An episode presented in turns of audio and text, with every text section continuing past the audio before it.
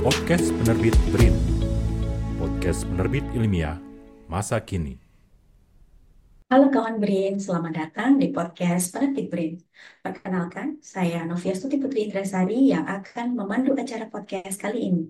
Kawan BRIN sekalian, pada kesempatan ini kita akan membahas tentang salah satu karya buku yang lolos seleksi dalam program akuisisi pengetahuan lokal BRIN yang berjudul Praktis Menyunting, Panduan Belajar dan Berlatih Mematut Naskah Sehebat Penyunting Profesional.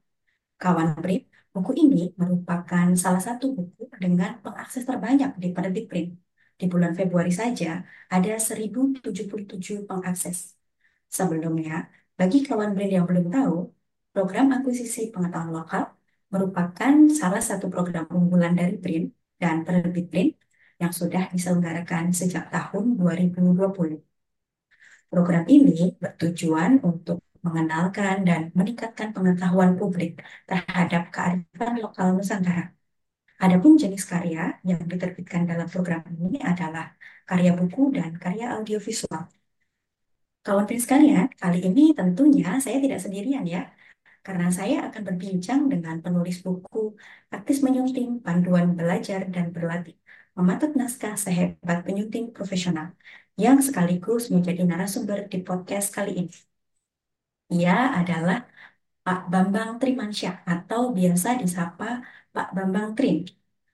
Yuk kawan Brim, langsung saja kita panggil Pak Bambang Trim.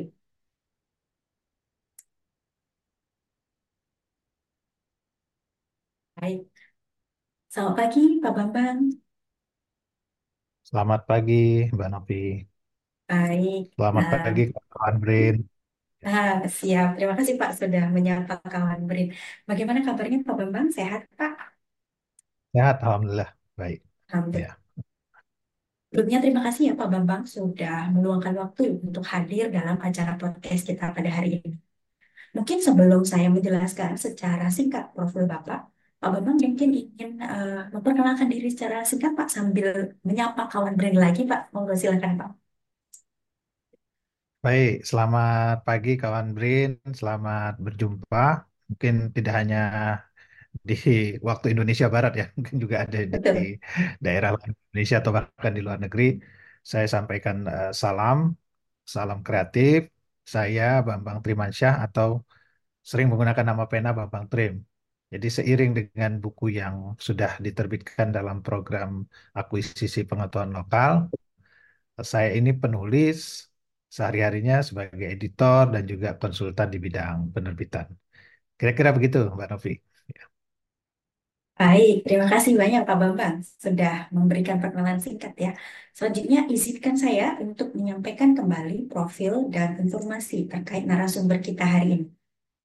Pak Bambang Trim mengenyam pendidikan formal ilmu penerbitan, tepatnya di program studi D3 Editing pada tahun 1900, 1991 dan S1 Ekstensi Sastra Indonesia tahun 1996 di Universitas Pajajaran. Sejak lulus tahun 1994 dari D3 Editing, beliau langsung terjun di industri penerbitan buku, baik sebagai penulis maupun sebagai penyunting. Pak Bambang telah menulis lebih dari 300 judul buku dalam berbagai jenis dan bidang, serta menyunting ribuan naskah. Wow! Pak Bambang juga telah menyelesaikan studi S2 Prodi Komunikasi Korporat di Universitas Paramadina di tahun 2023. Oh, barusan lulus berarti ya Pak ya? Baru saja ya Pak ya? Wah, selamat ya Pak ya. Baik, dan uh, kini Pak Bambang menjadi pendiri CV Penulis Profesional Indonesia dan merupakan orang Indonesia pertama yang merintis sertifikasi profesi untuk penulis dan editor berlisensi Badan Nasional Sertifikasi Profesi. Pak Bambang Trim juga bergiat di Pusat Perbukuan Kemendikbudristek serta Badan Pengembangan dan Pembinaan Bahasa sebagai narasumber kegiatan, konsultan, dan juga penulis buku. Beliau kini menjadi anggota Komite Penilaian Buku Teks Pelajaran sejak tahun 2022 di Pusat Perbukuan. Wow, sangat menginspirasi ya kawan Brin ya, banyak sekali prestasinya. Baik, tanpa berlama-lama, kita langsung diskusi saja yuk bersama Pak Bambang Tri. Uh, Pak Bambang Tri, uh, mungkin uh, sebagai pengawal ya, uh, kan kata orang tak kenal Maka kita kenalan. Nah, eh, ingin mengenal sosok Pak Bambang Trim yang lebih dalam lagi ya Pak ya. Eh, mungkin Pak Bambang bisa berbagi cerita Pak, bagaimana sampai bisa berkecimpung di bidang penyuntingan dan mungkin juga berbagi kepada kawan Brin. Ada alasan khususkah eh, untuk Pak Bambang memilih berada di industri penerbitan dan bertahan hingga eh, saat ini? Silakan. Ya, cerita saya ini mungkin dari nanti saya cerita soal latar belakang pendidikan ya, karena saya linear eh, atau orang yang mendapatkan pendidikan formal di bidang penyuntingan dan penerbitan secara khusus. Jadi SMA saya fisika sebenarnya jurusannya A1 eh, dan kemudian kuliah saya memilih waktu itu ITB ya, jurusan Teknik Industri. Nah, tapi ternyata saya gagal UMPTN. Hanya waktu itu di Universitas Pajajaran ada program di luar UMPTN, jadi eh, program D3 editing. Nah, saya coba masuk ke situ walaupun saya nggak punya orientasi ini mau jadi apa ya editing ini apa ada hubungannya dengan editing film gitu kan. Tapi dia berada di bawah jurusan bahasa dan sastra Indonesia pada saat itu ya. Nah, masuklah saya ke sana tahun 91. Jadi di semester pertama itu saya sudah jatuh cinta dengan bidang ini ya. Menarik karena mata kuliahnya itu kira-kira 50% bahasa Indonesia tapi 50% itu kuliah penerbitan. Jadi ah, jadi ada pengantar grafika, ada pengantar penerbitan, kemudian ada tipografi, ada juga eh, peristilahan macam-macam lah seperti itu. Nah, dari situ saya sudah tertarik, tapi dari kecil saya belum bukan penulis dan bukan juga penyunting kan nggak ada anak SD yang bercita-cita jadi penyunting atau penulis gitu. Jadi SD, SMP, SMA praktis tidak menulis, tapi saya membaca, banyak membaca. Jadi eh, situasi keluarga saya karena keluarga eh, yang getol membaca buku, majalah dan sebagainya, saya terikut. Nah itu modal saya. Jadi sebenarnya kemarin ada yang nanya, Pak Bambang menulis itu bakat atau bukan? Bakat artinya di bawah sejak lahir ada gen penulis. Eh, bukan gitu ya. Salah satunya kayak saya. Saya tuh baru menulis pas tahun 91 itu. Dan tiga tahun Mbak Mbak Novi nulis, tiga tahun ditolak. Jadi kan ukuran penulis pada tahun-tahun 90-an itu dia berhasil kalau dia tembus media. Kalau sekarang kan enggak ya. Banyak udah udah banyak ini apa media sosial, udah banyak uh, blog jurnalisme warga gitu. Jadi orang mudah untuk menulis. Kalau dulu sulit. Kalau dulu dia harus tembus dulu media nasional. Nah, dari situlah uh, awal ketertarikan saya. Orang bilangnya kecemplung gitu ya.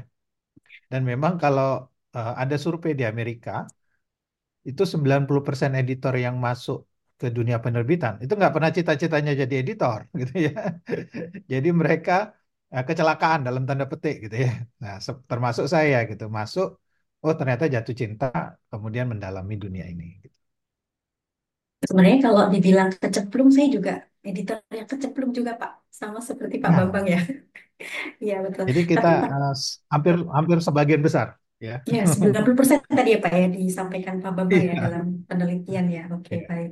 Jadi memang eh, jarang dan bahkan profesi editor ini menurut saya juga masih eh, belum semua orang paham ya eh, ada profesi editor. Saya iya, ingat Pak, saya pernah perjalanan dari Jakarta ke Jogja seperti itu. Kemudian eh, penumpang di sebelah saya bertanya, "Eh, kerja di Jakarta Mbak? Iya. Sebagai apa? Editor. Oh, auditor. Seperti itu. Jadi memang apa iya. namanya? Belum banyak yang paham profesi Agak, editor itu seperti ya, apa ya. betul. Baik, baik. Baik, terima kasih Pak Bambang informasinya. Eh, kemudian Pak, eh, Bapak kan sudah lama ya tadi berkecimpung di bidang penyuntingan ya.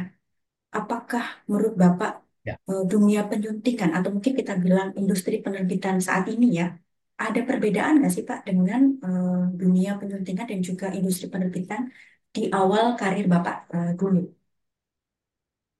Ya tadi dia dia lebih menawarkan kemudahan. Jadi tadi saya Hmm, agak mundur sedikit. Eh, Editologi ini baru disebut editologi itu tahun-tahun 60-an ya, tahun ya, 60-an. Jadi Cina duluan, kemudian Jepang gitu kan. Mereka punya pusat studi penyuntingan. Itu karena publikasi itu makin beragam dan makin rumit. Tuh. Nah, sehingga kan tadinya dia dia nggak nggak dianggap ilmu, dia dianggap keterampilan kan editing. Nah, tapi kemudian akhirnya menjadi ilmu yang dia subnya ilmu, eh, subnya ilmu dari ilmu penerbitan, publishing science. Publishing science sendiri dia cabang dari ilmu komunikasi. Oh, jadi ya, ini nah, nah, tidak banyak orang yang mendalami. Bahkan kita kan kalau kita lihat uh, berapa kampus sih yang mengadakan uh, studi penerbitan, hampir nggak ada kan, hanya tinggal di Ya, Polimedia satu ada di Indonesia ya Pak ya. penerbitan. Ya. Kalau mata kuliah penyuntingan ada, tapi mata kuliah ada yang mata kuliah wajib, ada yang mata kuliah uh, penyuntingan. Nah, industri penerbitan di Indonesia kan sudah ada sejak zaman POC ya, sejak India Belanda, kemudian uh, kemerdekaan, dia terus berkembang itu industri penerbitan. Tapi nanti mungkin saya akan cerita juga. Di samping industri penerbitan, yang notabene kita itu berada di kalangan penerbit ya. Karena penerbit banyak ya. Ada penerbit swasta, penerbit pemerintah kayak BRIN, atau penerbit universitas. Tapi saya memandang editor ternyata diperlukan juga di industri penulisan. Nah, industri penulisan ini lebih luas lagi. Bukan hanya penerbit, tapi uh, semua lembaga atau perseorangan yang yang memproduksi tulisan gitu. Nah, jadi situasi kalau dibandingkan dengan awal saya tahun 90-an, ya, waktu itu kan waktu kuliah tuh kakak kelas saya tuh cutting kalau sekarang ya bilang kita ini manusia langka gitu. Karena ya paling kan satu kelas itu hanya 30 orang, dulu banyak satu kelas itu ya, 30 orang. Tapi eh, teman-teman saya juga yang misalnya masih eksis dari angkatan saya mungkin tinggal dua tiga orang aja dari 30 orang itu. Jadi nggak eh, artinya pertama industri ini memang eh, tidak sebesar industri lain gitu ya. Tapi kalau kita bicara industri penulisan dia besar, dia luas gitu. Nah, kalau dibandingkan dengan tahun-tahun awal, masalah teknologi nih Mbak Novi, teknologi yang yang sangat berpengaruh dan media itu kan berubah dia ya, ada media daring sekarang. Nah, itu yang memperluas eh, cakupan pekerjaan editor dan tuntutannya makin kompleks serta makin harus cepat gitu. Ya, misalnya kita eh, mengelola media daring kan dalam hitungan waktu yang singkat itu harus memproduksi terus eh, tulisan karena produksinya besar, maka editornya juga harus bekerja sama, bekerja keras kan untuk mengedit itu. Jadi perbedaannya hanya di perkembangan teknologi, eh, terutama juga kalau sekarang kita lihat AI dan sebagainya itu ya. Ya. Artinya juga eh, sebagai editor kita juga terus harus menerus belajar ya Pak ya. Eh, siap terhadap perubahan-perubahan ataupun disrupsi-disrupsi yang tadi eh, muncul ya Pak ya. Betul, karena kalau saya kan Mbak Novi Gen Gen X ya. Saya lahir tahun 72-an, tahun 70-an. Dan saya disebut imigran eh, native gitu ya. Jadi orang yang dari mesin tik ke komputer. Saya ingat betul itu, tahun 91 saya di D3 Editing, kami masih dapat mata kuliah mengetik 10 jari dengan mesin tik nih. Menarik. Tapi begitu ya, begitu tahun 93 menjelang lulus, kami harus eh, belajar komputer waktu itu WordStar. Saya ingat tuh. Jadi itu ada ada gegar budaya kan? Ya betul. Jadi beralih gitu ya, beralih. Nah, saya termasuk karena saya berada di industri penerbitan, eh, saya nggak bisa stuck gitu ya, berhenti gitu ya. Jadi pada saat itu saya sudah mulai belajar desain. Waktu itu ada PageMaker ya, Adobe PageMaker yang sekarang jadi Adobe InDesign. Itu saya Oh belajar sendiri ya. tuh. Ya, kemudian tahun-tahun 2000-an mulai internet. Nah, itu uh, belajar terus. Nah, sampai sekarang pun saya, misalnya saya sangat mengikuti gitu uh, perkembangan. Ya, saya bisa masih bisa mendesain dengan InDesign. Kemudian uh, ada Canva dan uh, ada lagi uh, teknologi kecerdasan buatan. Karena kalau tidak begitu, kita sebagai editor agak tertinggal nanti dari anak-anak muda sekarang ya, yang terutama Gen Z ya, yang sudah canggih gitu. Gitu. Ya. Ya. Baik-baik. Terima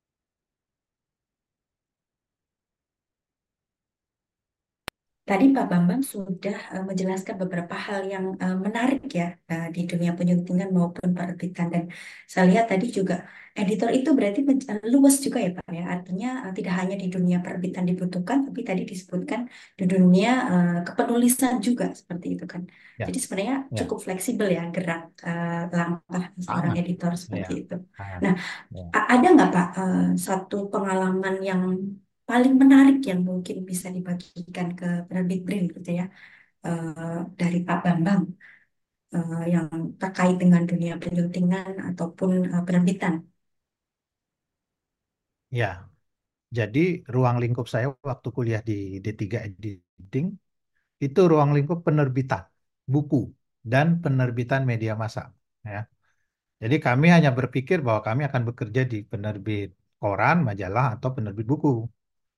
Tapi begitu saya eh, setelah mungkin setelah 10 tahun lah saya lulus ya. Waktu karena saya waktu lulus pertama langsung di penerbit buku gitu ya. Kemudian berpindah-pindah penerbit. Nah, ini kaitan dengan pertanyaan Mbak Novi pengalamannya. Jadi eh, ini beberapa saja pengalaman. Suatu ketika saya dikontak oleh sebuah perusahaan asuransi besar, ya perusahaan asuransi swasta, Pak Bambang bisa nggak mengedit dokumen asuransi? Itu ada 400 dokumen. Mulai dari eh, polis, surat, ya.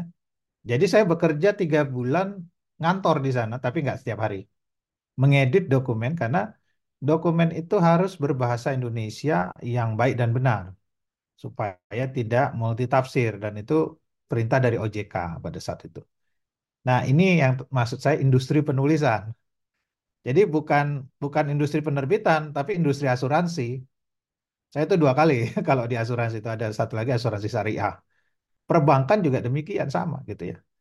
Nah, satu lagi pengalaman ketika saya diminta untuk mengedit laporan di salah satu lembaga strategisnya TNI. Jadi militer. Dan laporan itu laporan ya laporan ibaratnya laporan rahasia karena akan disampaikan ke Panglima kan. Jadi jenderal itu menghubungi saya, direkturnya, eh, kepalanya lah. Pak Bambang saya pusing nih baca baca laporan dari eh, yang dibuat oleh stafnya kan gitu ya. Eh, dan laporan itu harus disamakan gitu. Nah, maka saya pun bekerja sebagai editor di situ. Nah, ini yang saya memperlihatkan. Nah, kita tidak berpikir bahwa editing itu hanya ada di dunia penerbitan. Penerbitan, betul. Ternyata ya, ternyata semua eh, itu memerlukan sampai kemudian saya mem- membuat salah satu apa ya Mbak ya, eh, semacam pernyataan lah. Tidak ada satupun bidang di dunia ini yang dapat lepas dari tulis menulis.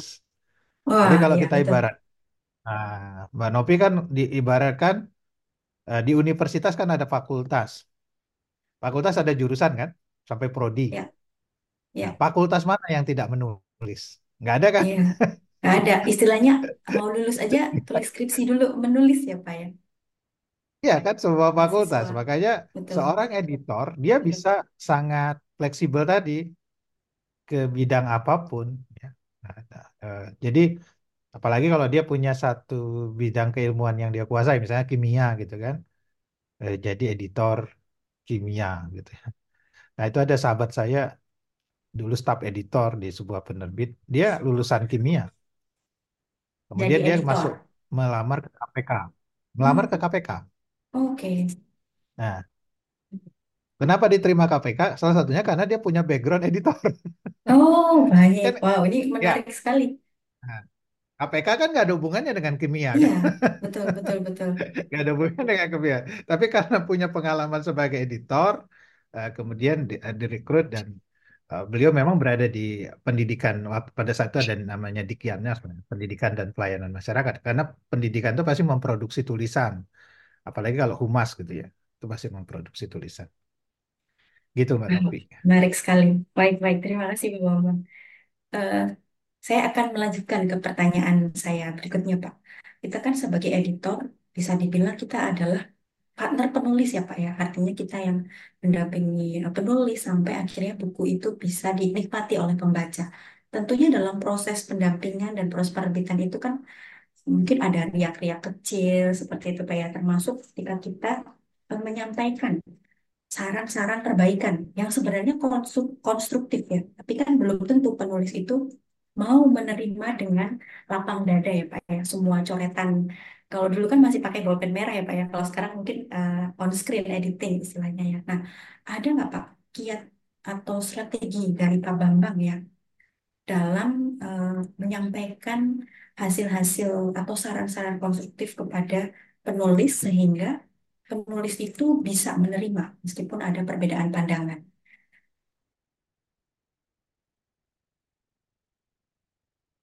Ya, di sini editor itu perlu kema- kemampuan keterampilan berkomunikasi ya. Salah satunya negosiasi dan diplomasi. Ya, negosiasi dan diplomasi. Nah ini kalau editor itu ada kan editor gitu, dia introvert, gitu kan. Sebenarnya nggak bisa editor introvert karena dia kecuali editor dia copy editorannya ya penyunting naskah. Tapi kalau dia dibebankan juga dengan akuisisi naskah dan sebagainya, dia harus komunikasi. Nah, saya mengutip Pak Pak Musuk NSD, dalam bukunya apa? Bukunya penyuntingan naskah itu ya, buku pintar penyuntingan naskah. Tapi kemudian saya apa membuat istilah sendiri. Penulis itu kan ada tiga L gitu. Ada penulis yang lemah, ya. Penulis lemah ini kalau kita berhadapan kita serba salah gitu. Pak, ini bisa diedit nggak? Nah, apa bisa diperbaiki nggak gitu ya revisi? Wah, pokoknya saya percaya sama Pak Bambang lah pokoknya. Pak Bambang kan editor eh, ahli gitu ya. Jadi dia menyerahkan semua sama kita gitu ya. Dengan alasan tidak mau mengubah kan gitu ya. Nah, dia lemah gitu ya. Atau dia sudah tidak tahu apa yang mau dia revisi. Kemudian ada eh, penulis liar. Nah, ini yang mungkin yang Mbak Novi yang perlu kemampuan untuk diplomasi dan negosiasi. Nggak mau diedit karena merasa dia lebih berpengalaman dari kita dan sebagainya. Nah, yang enak itu penulis yang luas. Nah, dia nerima masukan, diskusi. Jadi, sebagai editor, ketika kita, terutama editor pemula ya, menghadapi penulis itu memang harus eh, pandai-pandai gitu ya. Eh, bertanya, kemudian eh, memberikan saran. Ada satu kuncinya, Mbak Novi. Kunci yang selalu saya pegang, saya harus menulis. Dan tulisan saya harus dipublikasikan. Kalau bisa saya juara, saya kayak gini lah pengetahuan. Saya ikut program pengetahuan akuisisi lokal, harus masuk gitu kan. Mengapa demikian? Itu akan menimbulkan respek penulis kepada kita. Nah, mohon maaf ya, kelemahan teman-teman editor itu nggak nulis, lupa dia. Jadi dia harus publikasi, oh, termasuk oh, artikel ilmiah gitu. Jadi begitu berhadapan, Ini beberapa nih waktu saya bekerja di sebuah penerbit buku teks, saya harus negosiasi nih, negosiasi masalah royalti dan sebagainya. Nah, enaknya ya karena mereka mengenal, oh Pak Bambang juga bukunya lolos gitu kan, di misalnya di pusat perbukuan. Mereka respect gitu waktu kita uh, diskusi dan saya menghormati mereka juga, tidak tidak langsung jemawa gitu ya. Wah, saya ini juga penulis nggak gitu. Jadi modal kita negosiasi diplomasi diplomasi tadi kita harus punya karya. Nah, kalau kita nggak punya karya, misalnya ginilah, eh, kita mau, wah kita mau ngasih masukan tentang buku gitu ya. Nanti penulisnya nanya, Pak Bambang udah pernah nulis buku belum? Nah, kalau tadi kan agak ngeri ya Mbak Novi. Misalnya, oh Pak Bambang udah nulis 300 buku, ya pasti ngeri gitu kan. Iya, Jadi sudah terbukti. portofolio. Nah, portofolio tulisan kita harus diperbanyak tetap. Kita jangan jangan asik menyunting, nggak menulis gitu. Iya, betul-betul. Berarti ini Jadi Pak ya, pasti akan jadi apa? Betul. kita harus eh, membiarkan tulisan kita disunting oleh orang lain juga ya Pak ya. Jangan hanya menyunting tulisan orang lain Ya. ya. Ya, nah mungkin kan teman-teman BRIK juga punya pengalaman kan menyunting tulisan saya gitu. Iya Pak. Mungkin ada yang ada yang ada yang segan gitu kan. Oh, betul Tapi Pak. dalam Ke- posisi ini, dalam posisi ini saya penulis, saya harus disunting gitu kan. Nggak Ya, ya. nggak nggak mungkin. Ini juga ada pertanyaan Pak Novi gitu ya. Pak, dia kan penyunting nih. Pak, boleh nggak saya Ya. nulis buku tapi penyuntingnya saya? Gitu ya. Saya bilang Ya nggak boleh itu jeruk makan jeruk. Saya Iya, iya. Nanti ditulis sendiri, disunting sendiri, diterbitin sendiri lagi, bilang. dibaca sendiri Betul. juga. Nanti di, di, di layout, di desain sendiri juga Iya, gitu iya, betul, betul. Ya. Baik, baik. Wah, menarik sekali. Baik, eh, Pak Bambang. Selanjutnya kita akan mengupas tentang buku terbaru dari Pak Bambang ini ya Pak ya, berjudul Taktis Menyunting, Panduan Belajar dan Berlatih Mematut Naskah Sehebat Penyunting Profesional. Nah, tadi dari beberapa obrolan kita sebelumnya sebenarnya ada beberapa yang sudah disampaikan Pak Bambang itu ada juga atau bisa ditemukan di dalam buku ya Pak ya, termasuk tadi sejarah, eh, terbitan, penyuntingan, itu kan sempat diulas ya di bagian pertama buku Bapak atau di bagian awal seperti itu. Nah, saya ada beberapa pertanyaan nih Pak terkait buku Bapak ya. Yang pertama mungkin Pak, apa yang menjadi inspirasi atau mungkin latar belakang Pak Bambang untuk menulis eh, buku taktis menyuntik ini Pak? Ya, saya kan eh, salah satu aktivitas saya mengajar ya, eh, Mbak Novi. Eh, sebelumnya saya menjadi dosen di Polimedia, mengampu mata kuliah penyuntingan. Tapi sebelum itu lagi saya di alma mater saya pernah juga di Politeknik Negeri Jakarta. Terus saya juga aktif melatih gitu ya. Nah, sering kali kan bentuk bahan ajarnya itu hanya berupa presentasi, slide ya. Kemudian hanya berupa handout gitu. Sehingga saya tergerak untuk membukukan yang dasar nih. Sebenarnya buku ini sangat dasar gitu ya. Sa- Sangat dasar bagi editor pemula. Tapi mungkin ada juga editor yang udah lama, oh baru tahu gitu ya. Baru tahu eh, basis teoretis ilmu penyuntingan ini gitu ya. Jadi saya menggunakan sumber-sumber terkini, terutama sumber dari luar ya. Kenapa dari luar? Karena sumber dari dalam sedikit sekali gitu ya. Jadi kalau Mbak Novi kalau lihat buku editing tahun 80-an, 90-an lebih banyak daripada buku eh, buku editing sekarang ya. Jadi tahun 80-an 90 masih ada ahlinya itu ada Pak eh, ada Pak kalau sekarang masih ada Pak Pak Pak, Pak, Pak, Pak Musuk NST ya. Dulu ada Pak Hasan Pambudi, ada Pak Ajat Sakri, ada Ibu Sophia, ada Pak Dadi Pakar. Mungkin kalau saya sebutin udah nggak kenal anak-anak sekarang kan gitu ya. Nah, Iya Pak. fokus ya, mereka fokus dulu di bidang banyak meriah. Tahun 80 90-an itu meriah. Ya, bahkan kursus penyuntingan pertama itu diadakan IKP DKI itu tahun 80-an, awal-awal 80-an. Sejak itu nggak ada lagi. Nah, agar mata rantainya tetap tersambung, terutama pada generasi muda ini tertarik untuk menjadi editor, sebenar-benar editor, ma- maka saya menyusun buku taktis menyunting ini ada teorinya sedikit dan ada banyak praktiknya gitu. Kira-kira begitu, Mbak Novi. Baik, baik. Menarik, Pak. Eh, saya juga kebetulan kan saya menjadi penanggung jawab eh, naskah ini ya, Pak ya. Ketika awal saya menjadi editor akuisisi, saya membaca dan ikut terlibat dalam proses penilaian buku ini. Kemudian juga hingga sampai proses akhir saya juga terlibat ya karena ikut membaca atau menjadi eh, proofreader ya buku Bapak gitu. Dan eh, saya sepakat sekali sih memang apa namanya banyak hal yang tadi meskipun Pak Bambang bilang eh, ini buku sebenarnya ditujukan untuk editor pemula gitu ya. Tapi ketika saya membaca, itu saya seperti eh, diingatkan kembali, Pak, terkait dengan teori-teori penerbitan, Ya, penyuntingan, seperti itu ya. Dan saya banyak belajar. Jadi saya merasa, wah ini ketika saya eh, mendapatkan naskah ini saat menjadi editor akuisisi, ini naskah yang kita bilang permata nih, belum banyak gitu ya. Belum banyak eh, buku semacam ini ya, eh, diterbitkan. Apalagi kami bisa membuka akses luas-luasnya. Jadi ada pembaca yang bisa menikmati buku ini secara gratis gitu. Jadi saya bisa bilang buku Bapak ini istilahnya mengisi gap literatur lah ya di eh, dunia eh, penyuntingan eh, di Indonesia seperti itu. Ya.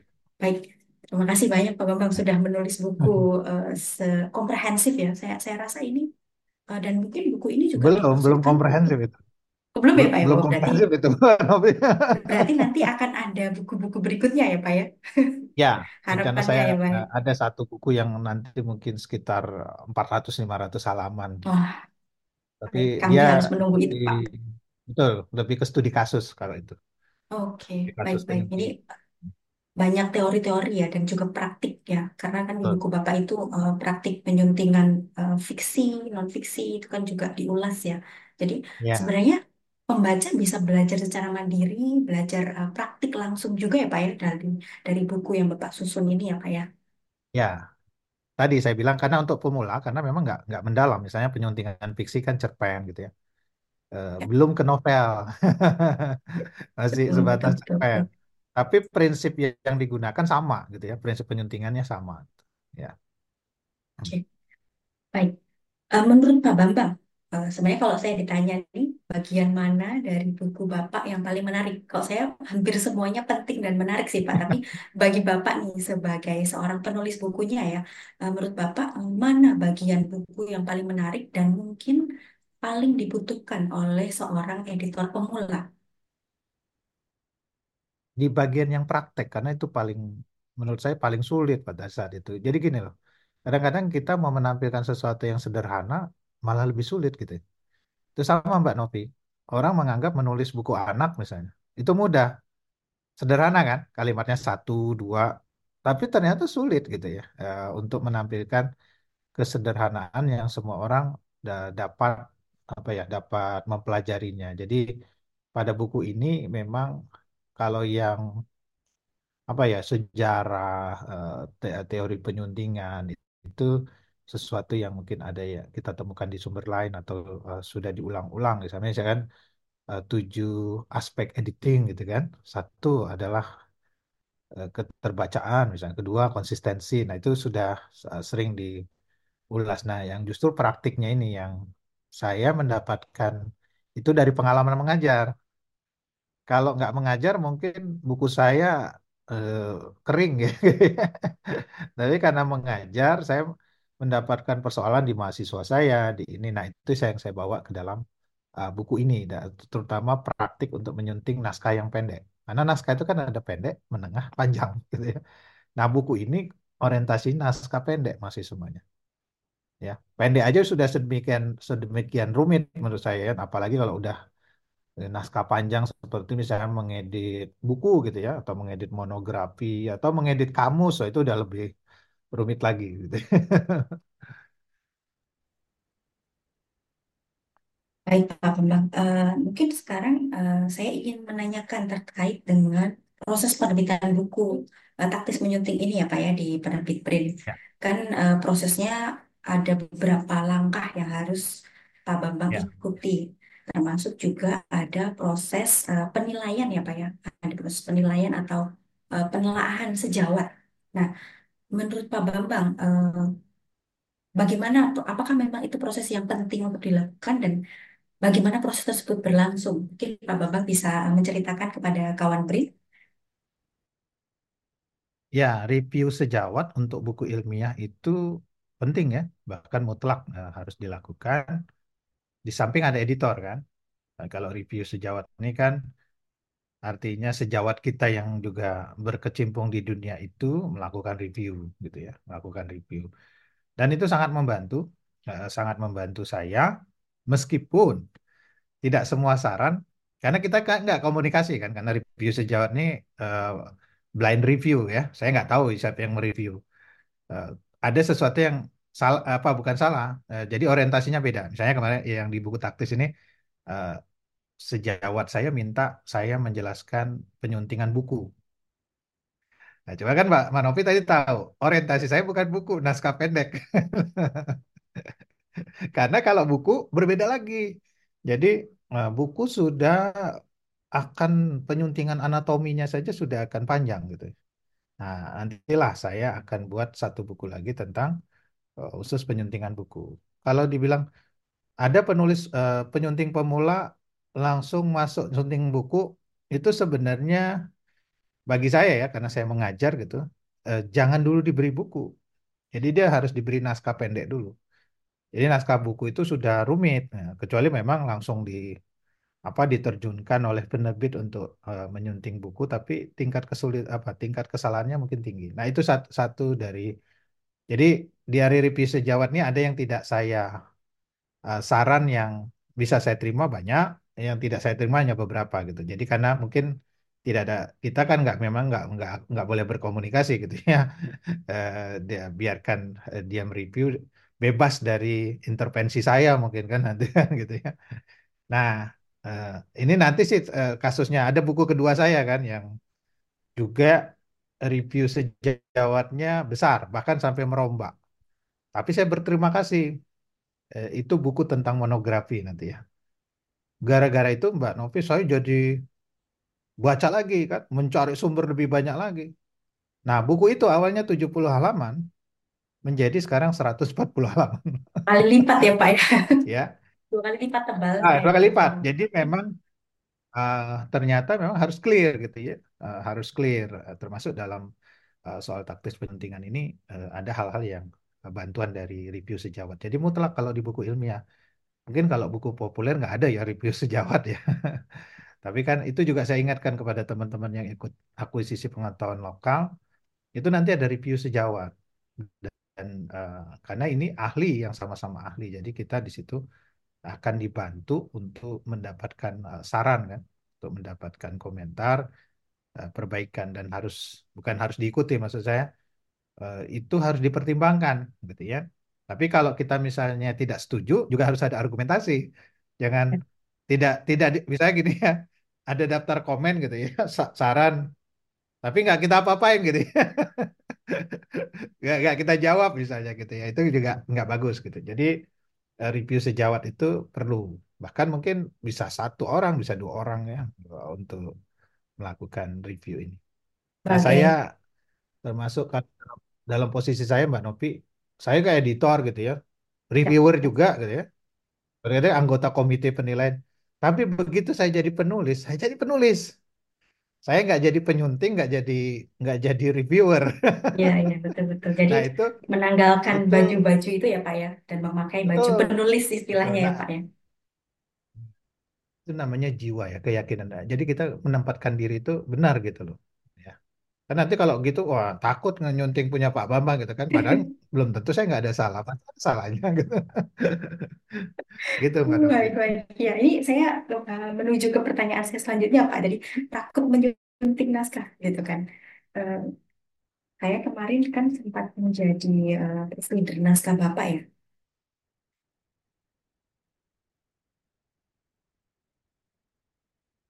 Pak Bambang masih masih bisa mendengar suara saya Pak?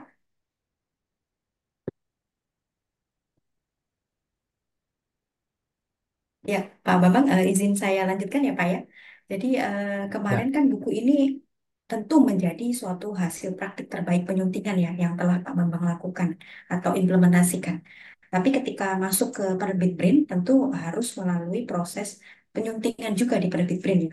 Nah, apakah ada pengalaman menarik Pak ketika buku ini, eh, apalagi ini buku tentang penyuntingan ya Pak ya, kemudian melalui proses sunting di penerbit BRIN? Atau adakah masukan, saran, perbaikan eh, tentang proses penyuntingan di penerbit BRIN sendiri, Pak? Monggo silakan, Pak. Ya, jadi penyuntingan di BRIN cukup baik gitu ya, karena komunikasinya terjalin bagus ya, Eh, ter- eh, bagus, aktif gitu ya. Kemudian kalau dibilang hal-hal baru, sebenarnya hal-hal biasa dalam penyuntingan. Salah satu yang sering saya lakukan tuh salah tik pasti itu, salah tik itu ya. Karena kadang saya juga membaca itu kalau udah tiga empat kali membaca kan jenuh tuh. Jadi apa kadang-kadang terlewat. Kedua yang bagus juga dari BRIN eh, korespondensi. Jadi kalau di dalam penyuntingan ada yang disebutnya korespondensi atau navigasi. Jadi keterhubungan antara yang saya kutip dengan daftar pustaka, misalnya daftar rujukan gitu ya. Nah di sini memang eh, salah satu hal menarik adalah karena BRIN menggunakan Cicego Manual of Style dan APA. Jadi kadang-kadang eh, ini mana yang mau dipakai gitu kan. Kalau Cicego begini, kalau APA gitu. Tapi itu membuat saya mempelajari lagi ya. Buku yang tebalnya ratusan halaman itu kan Cicego Manual of Style kan yang edisi ke-17 sampai 1000 lebih gitu kan. Eh, APA sampai ini. Jadi ingin apa ya mendapatkan oh, oh benar yang yang dimaksud eh, BRIN untuk sitasi terutama sitasi. Nah itu Nah, itu yang saya kalau di taktis ini kan saya menggunakan Cicego. Kalau yang nanti monografi itu saya gunakan APA. Ya, sebenarnya Dua-duanya sih bisa digunakan karena kan Cicego itu fokus ke buku, kalau APA fokus ke jurnal ya, kebanyakan jurnal ilmiah. Tapi benar. Jadi saya misalnya ini ya hal baru gitu ya.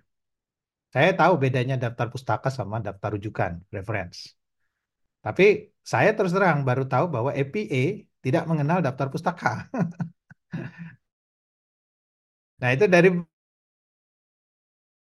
brain kan dari teman-teman brain. Oh APA hanya mengenal daftar rujukan. Jadi oh iya benar gitu kan. Tapi kalau Cicego Manual of Style dia boleh uh, bibliografi gitu kan, boleh juga reference. Nah itu ini yang memang kalau di penulisan nggak terlalu didalami kan.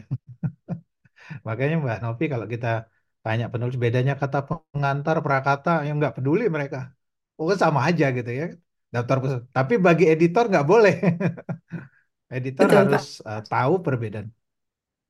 Itu yang uh, poin positif dari program akuisisi pengetahuan lokal ini. Jadi ini program yang proses penerbitannya mengikuti alur standar gitu. Jadi kalau rekan-rekan penulis pengen punya pengalaman bekerja sama dengan penerbit yang prosesnya ada tadi lah ada review sejawat, ada beberapa kali pertemuan ya kita di Zoom itu, ada komunikasi soal penyuntingan dan proofreadingnya, eh, ini baik sekali gitu ya.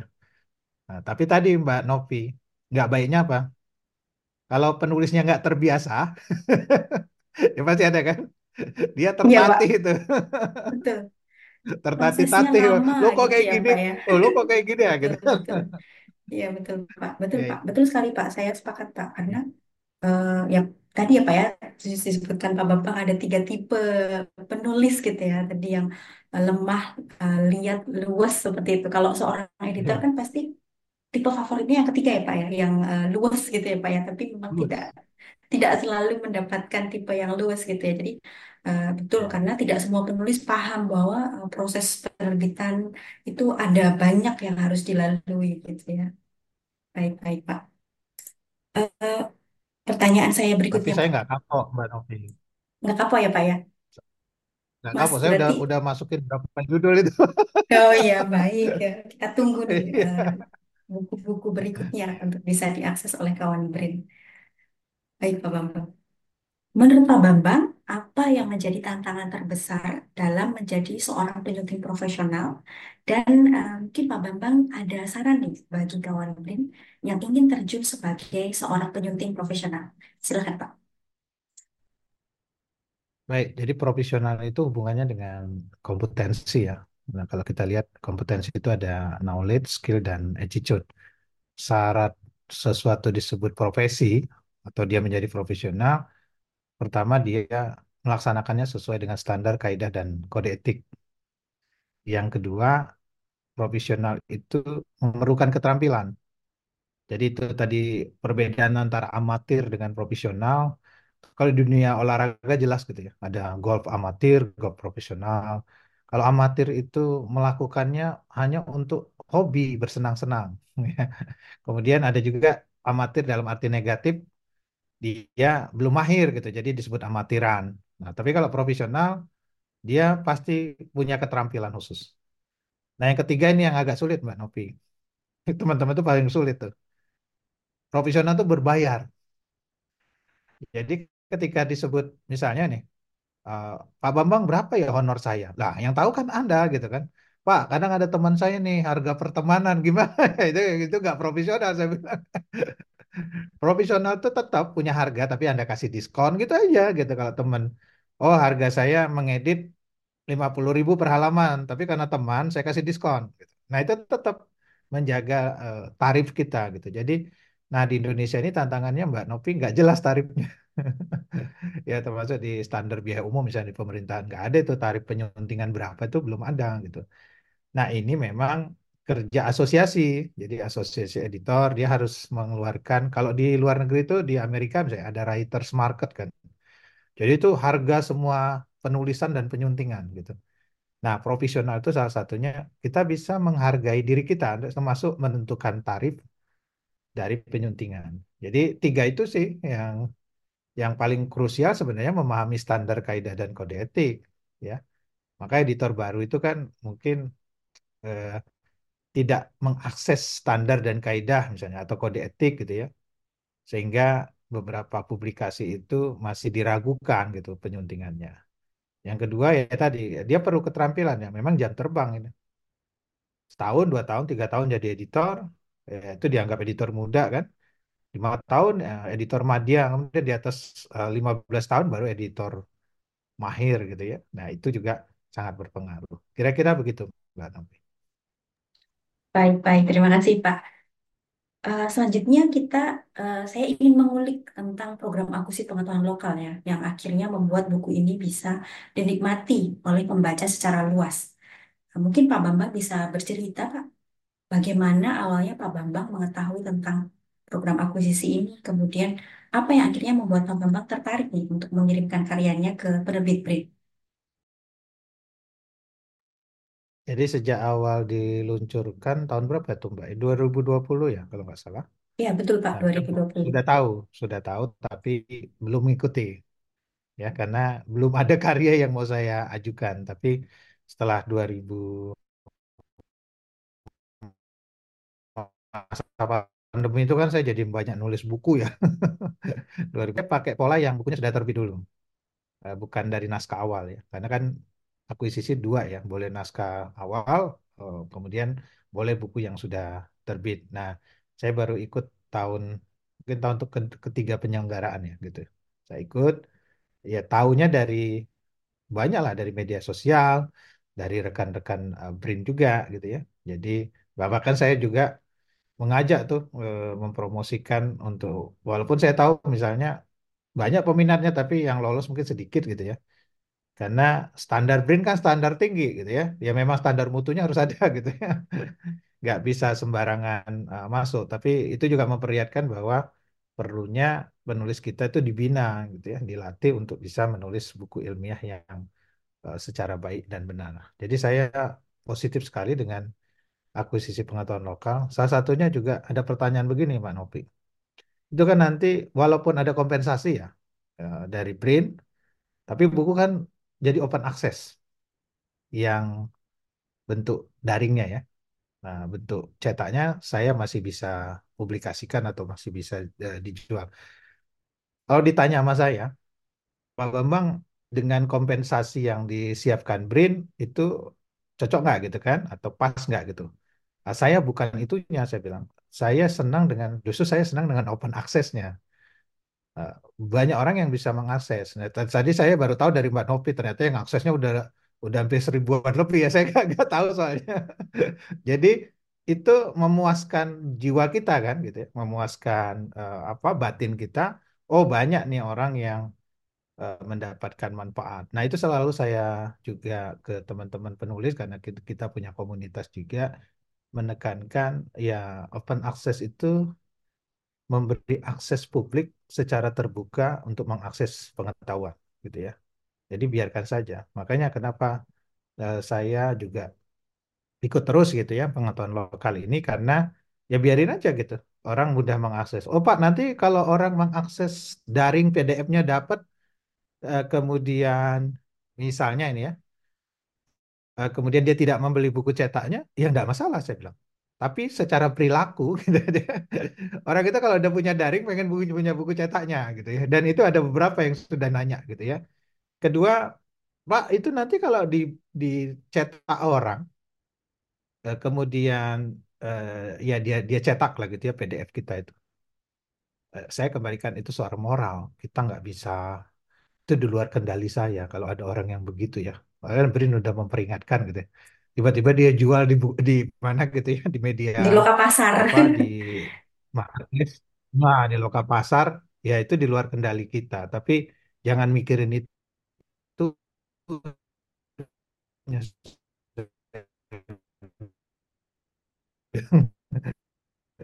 mikirin tadi orang bisa mengakses dan Bapak Ibu juga nanti penulis buku terutama buku ilmiah. Itu kira-kira Mbak Novi pengalamannya. Baik, jadi eh, bisa saya simpulkan kalau melalui program akuisisi ini dampak eh, penerbitan dan juga penulisan buku menjadi semakin luas ya Pak ya, dengan open access tadi. Ya, betul. Saya juga sebagai penulis terbantu karena saya downloadin aja itu semua karena eh, bukunya perlu semua kan. Oh ya, Salah satu betul-betul. keunikannya bukunya itu unik gitu. Bukunya itu unik gitu. Sehingga eh, ini akan jadi referensi saya. Makanya ya saya juga download ya saya juga memberikan orang untuk akses download kan gitu ya, mengunduh karya saya. gitu. Terima kasih, Pak. Eh, apa harapan Pak Bambang terhadap program akuisisi ini ke depan? Mungkin ada masukan atau saran agar program ini ke depan berjalan menjadi lebih baik lagi, Pak. Kalau sekarang sudah baik Mbak Novi ya. Jadi tingkat keberlanjutannya aja yang eh, tampaknya harus eh, ya kita memastikan berlanjut ya. Karena kan tidak ada putus orang nggak kan pro- program namanya literasi atau apa pun itu nggak kan nggak selesai gitu ya. Nggak akan pernah selesai. Jadi mungkin ini program eh, rutin tahunan yang harus eh, terus berlanjut dengan eh, juga apa ya istilahnya kuotanya lebih banyak. Tapi saya tahu juga kadang kuotanya sekian tapi nggak nggak tercapai juga ya targetnya gitu ya. Target akuisisinya ya, karena tadi banyak naskah yang belum memenuhi syarat. Memang selain sosialisasi program ini perlu juga ada eh, bimbingan teknisnya. Nah, ini mungkin eh, saya kurang tahu ya. Mungkin bukan tugas BRIN untuk melatihnya, tapi tugas misalnya kampus tuh. Ya, kalau kampus tahu ada program ini, tentunya dia harus melatih dosennya untuk menulis sesuai dengan kaidah atau standar kaidah kode etiknya BRIN gitu. Nah, saya kira itu aja sih. Jadi salah satu poin dari akuisisi ini meningkatkan gairah menulis, tapi menulisnya harus benar kan gitu. Nah, benarnya ini harus dilatih gitu. Nah, begitu, Mbak. Baik, Pak Bambang, apakah ada pesan khusus untuk kawan BRIN yang ingin mengikuti jejak Pak Bambang, yaitu dalam mengirimkan karya-karyanya melalui program akuisisi pengetahuan lokal, Pak? Ya, jadi ini mesti direncanakan, rekan-rekan. Karena kan BRIN ini mengadakan tiap tahun. Kalau nggak salah, sa- eh, saya tahun ini empat kali ya, Mbak, penilaian. Apa tiga kali? Betul, empat kali, Pak. Empat kali. Nah, itu kan berarti kita sudah bisa ngatur waktu ya, menyiapkan naskahnya. Ya, paling cepat naskah itu disiapkan tiga bulan. Tapi kalau paling bagus tuh enam bulan setahun gitu, baru kita siapkan. Jadi kan ada dua tuh, naskah yang sudah terbit atau naskah yang eh, sama sekali baru. Kemudian teman-teman, kawan-kawan BRIN juga harus mengikuti apa membaca panduan. Mbak Nopi ini ini kebiasaan kita ya. Ya mohon maaf gitu. Saya juga mungkin autokritik. Ah, udah ada lomba ya Mbak, nggak nggak baca panduannya gitu, ya. main kirim aja gitu ya, karena nggak tertarik baca panduan mungkin ya. Atau nanya kan Pak Bambang itu gimana sih masuk break? Lah itu kan ada panduannya, mohon dibaca gitu ya. Mohon dibaca terutama terkait dengan format naskah dan sebagainya, eh, sehingga itu memudahkan penilaian, memudahkan eh, penyuntingan nantinya eh, di dalam naskah ini. Jadi perlu persiapan, eh, perlu mengikuti pedoman dan yakin gitu, yakin masuk gitu, yakin masuk. Terutama juga menyiapkan beberapa yang diminta, misalnya eh, rekomendasi untuk eh, review sejawat dan sebagainya itu perlu rekan-rekan siapkan. Satu lagi, Mbak Novi, yang ketiga, tahu jenis bukunya gitu. Karena di Brain ada betul, beberapa. Ya, betul. itu takutnya nanti salah kirim, tapi nggak apa-apa sih. Tadi teman-teman Brim yang mengarahkan ini kayaknya buku buku fleksi ini nggak tahu ini. Cuma pada tahun ini tidak ada lagi buku anak ya, Mbak Novi ya. Ya, Eh, betul, Pak. jadi semuanya buku ilmiah eh, dalam konteks untuk pembaca orang dewasa, gitu. Pembaca orang dewasa. Nah itu saya kira yang perlu saya sampaikan. Tentu salah satu yang menjadi pertimbangan editor Brin, pengalaman saya juga adalah keunikan dan kemanfaatan buku ini untuk pengetahuan lokal gitu ya. Nah, jadi kalau gini nanya ya misalnya, taktis menyunting ini lokalnya di mana sih? Nah, gitu kan. Nah, ya lokalnya karena saya melihat di Indonesia editor itu belum banyak mendapatkan referensi secara teori konteks Indonesia loh. Jadi Semuanya harus konteks Indonesia lokal itu. Bukan hanya kearifan lokal, tapi juga sesuatu fenomena lokal yang terjadi di Indonesia. Maka itu bisa diangkat. Ini salah satu pertanyaan Mbak Novi sering. Pak Bambang, saya bikin buku ini lokalnya di mana gitu ya.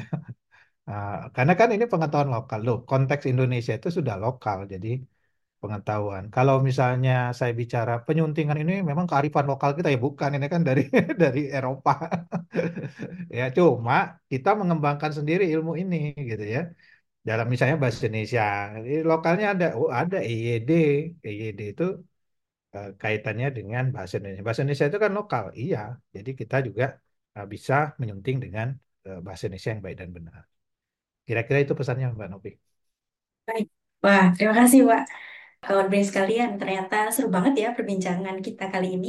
Tidak terasa kita sudah berada di ujung waktu. Dari Pak Bambang, apa ada yang masih ingin disampaikan kepada kawan Brain sebelum kita menutup obrolan podcast kali ini, Pak?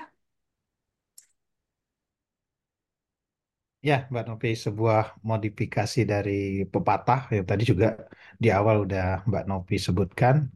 Jadi ada pepatah tak kenal maka tak membaca, tak membaca maka tak menulis, tak menulis maka tak menyunting, dan tak menyunting maka tak sayang. Gitu ya.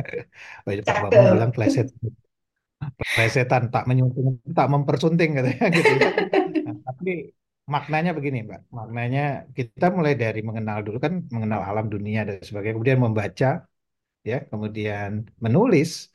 Karena kalau membaca nggak menulis itu kurang abdol, ya. Dari menulis maka harus ada menyunting, minimal swasunting yang kita lakukan terhadap tulisan kita. Dari situ muncullah rasa sayang terhadap apa yang kita tulis, apa yang kita baca, apa yang kita sunting sehingga kita dapat mencintai pekerjaan kita sebagai penyunting atau editor. Demikian Pak Novi. Wah, terima kasih banyak Pak Bambang. Ada banyak ilmu yang bermanfaat yang uh, saya dapatkan pada kesempatan ini. Nah, bagi kawan BRIN yang belum sempat membaca buku Taktis Menyunting, Panduan Belajar dan Berlatih, Mematut Naskah Sehebat Penyunting Profesional, kawan BRIN dapat membaca dan juga mengunduh secara gratis di laman penerbit BRIN di penerbit.brin.go.id ya. Baik Pak Bambang, sekali lagi saya ucapkan terima kasih banyak pada Pak Bambang yang sudah meluangkan waktu untuk berbincang bersama kawan BRIN, berbagi pengetahuan dan juga pengalamannya kepada kita semua. Terima kasih banyak Pak Bambang atas waktunya, kesediaan dan ilmunya. Sehat-sehat ya, selalu Pak Bambang. Ya, Alhamdulillah. Terima kasih kawan-kawan BRIN. Sama-sama Pak. Baik, kawan BRIN sekalian, semoga podcast kali ini dapat memberikan informasi yang bermanfaat untuk kita semua ya. Selain itu, bagi kawan BRIN yang ingin mendapatkan pengalaman menarik untuk berpartisipasi dalam program akuisisi pengetahuan lokal BRIN, seperti Pak Bambang, dapat mengirimkan karya buku ataupun karya audiovisual melalui tautan di bawah ini. Sekian podcast kali ini. Saya Novi, selaku host podcast episode ini undur diri. Nantikan terus podcast episode selanjutnya ya. Sampai jumpa. Podcast Penerbit BRIN Podcast Penerbit Ilmiah Masa Kini